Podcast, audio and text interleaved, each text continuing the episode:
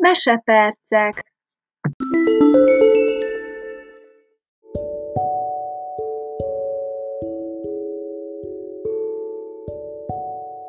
Karin Jékál, a legkisebb karácsonyi angyal.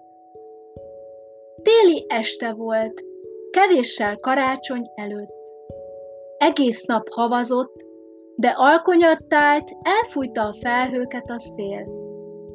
Holdvilágos, csillagos ég, mint egy hímzett terítő, úgy borult a föld fölé.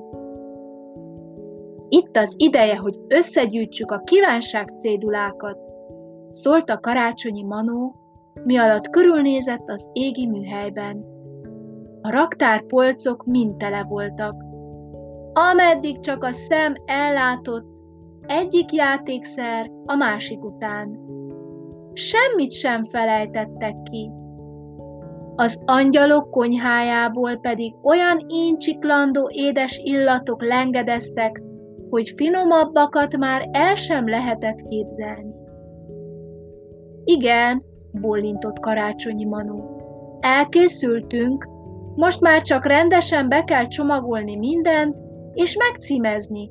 Akkor megpakolhatom a szánomat, és indulhatunk kiosztani az ajándékokat. A kis karácsonyi angyalok egész esztendőben erre a pillanatra készültek. Milyen szívesen repültek ki a hóval takart világba, hogy házról házra járva összegyűjtsék a gyerekek kívánság céduláit. Nagyság szerint gyorsan felsorakoztak. Velük tartott a legkisebb angyal is, aki most először indult útnak. Karácsonyi Manó hívására a világ minden részéből jelentkezett egy-egy angyal, a nagyvárosokból egyszerre több is. Sorra előléptek. Mindegyikük kapott egy postástáskát és egy meleg köpenyt, és már is repülhettek, hogy összegyűjtsék a kívánság cédulákat. Végül a legkisebb angyal is sorra került. Te ma az én segítségem leszel, mondta karácsonyi Manó.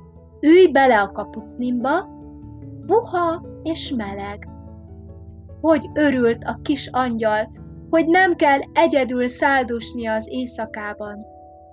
Gyorsan kényelembe helyezkedett a meleg kapucniban, és csak akkor nyitotta fel ismét a szemét, amikor karácsonyi Manu a hófelhőhegy tetején lefékezte sitalpait.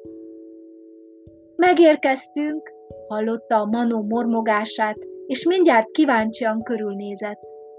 Lábai előtt egy falu nyújtózkodott. Aludni látszott a vastag hótakaró alatt. Még a falu szökőkutya is felhagyott a csobogással. Hosszú jégcsapok lógtak a csövein.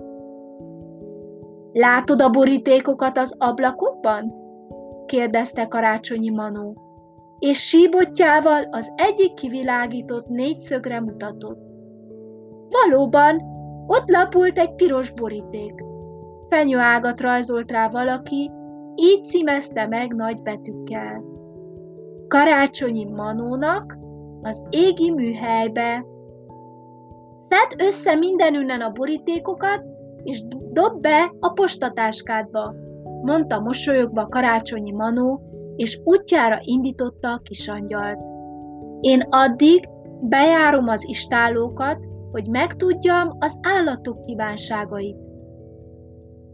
A kis angyal buzgó keresésbe és gyűjtögetésbe kezdett. Táskája hamarosan húzni kezdte a vállát. Végül már csak egyetlen ház volt hátra. Fentről az erdőszélről nézett le a völgybe, kivilágított ablakaival. Mivel karácsonyi Manó még nem volt sehol, a kisangyal elhatározta, hogy egyedül repül föl oda.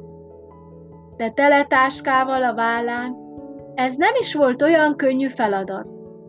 Nagy nehezen odaért, de alig, hogy elvette az ablakdeszkáról a kívánságlistát, és beledugta a táskájába, elvesztette az egyensúlyát, és belebukfencezett a hóba. Ott feküdt rövid kabátjában, Haja, szeme, szája fehér a hótól, és ott hevert körülötte a sok szétszórodott kívánság cédula is. A kis angyal jól megrándította a lábát, de most nem törődött vele, ilyetten kapkodta össze a havon hánykodó leveleket, és gyorsan megszámolta őket. Mind gyorsabban mozogtak az ajkai, újra és újra végigment rajtuk. Arca már égett az idegességtől, de hiába egy levél hiányzott. Kicsordultak a kisangyal könnyei. Eszébe jutott, az a gyerek, aki emiatt nem kapja majd meg az ajándékait. És eszébe jutott az is, hogy karácsonyi Manó milyen haragos lesz. Olyan keservesen sírt, hogy még a gyerekek építette a hóember jeges szívét is megdobogtatta a részvét. Szemem szín csillagai neked világítanak. Ó, hogy milyen havas lett aranyos angyalhajad! Dünnyögte a nagy piros óra alatt a hóember, és izzani kezdő szemeivel fénycsovát bocsátott a behavazott kertre.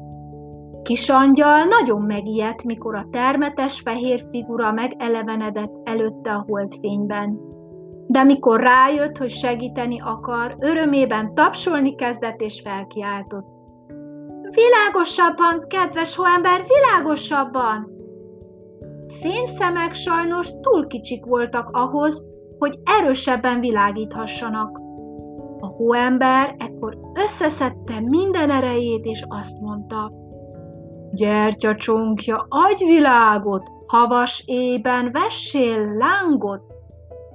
És már fel is lobbant a gyertyaláng azon a piros gyertyacsonkon, amit a hóember óra helyére tűztek a gyerekek. Ekkor látta meg végre a kis angyal, hogy ott fekszik a levél egy mélyedésben. Újongó örömmel dugta vissza postás táskájába, két karját a fehér jóbarát nyaka köré fonta, és megkérdezte. Hogyan köszönjem ezt meg neked?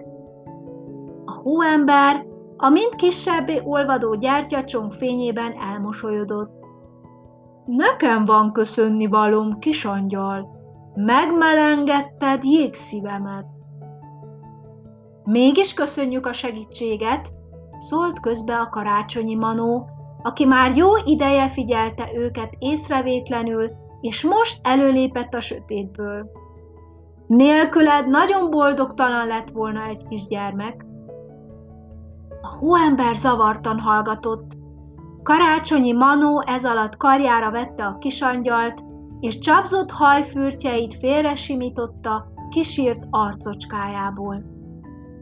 Ahhoz képest, hogy először csináltad, nagyon jól végezted a dolgodat, mondta neki.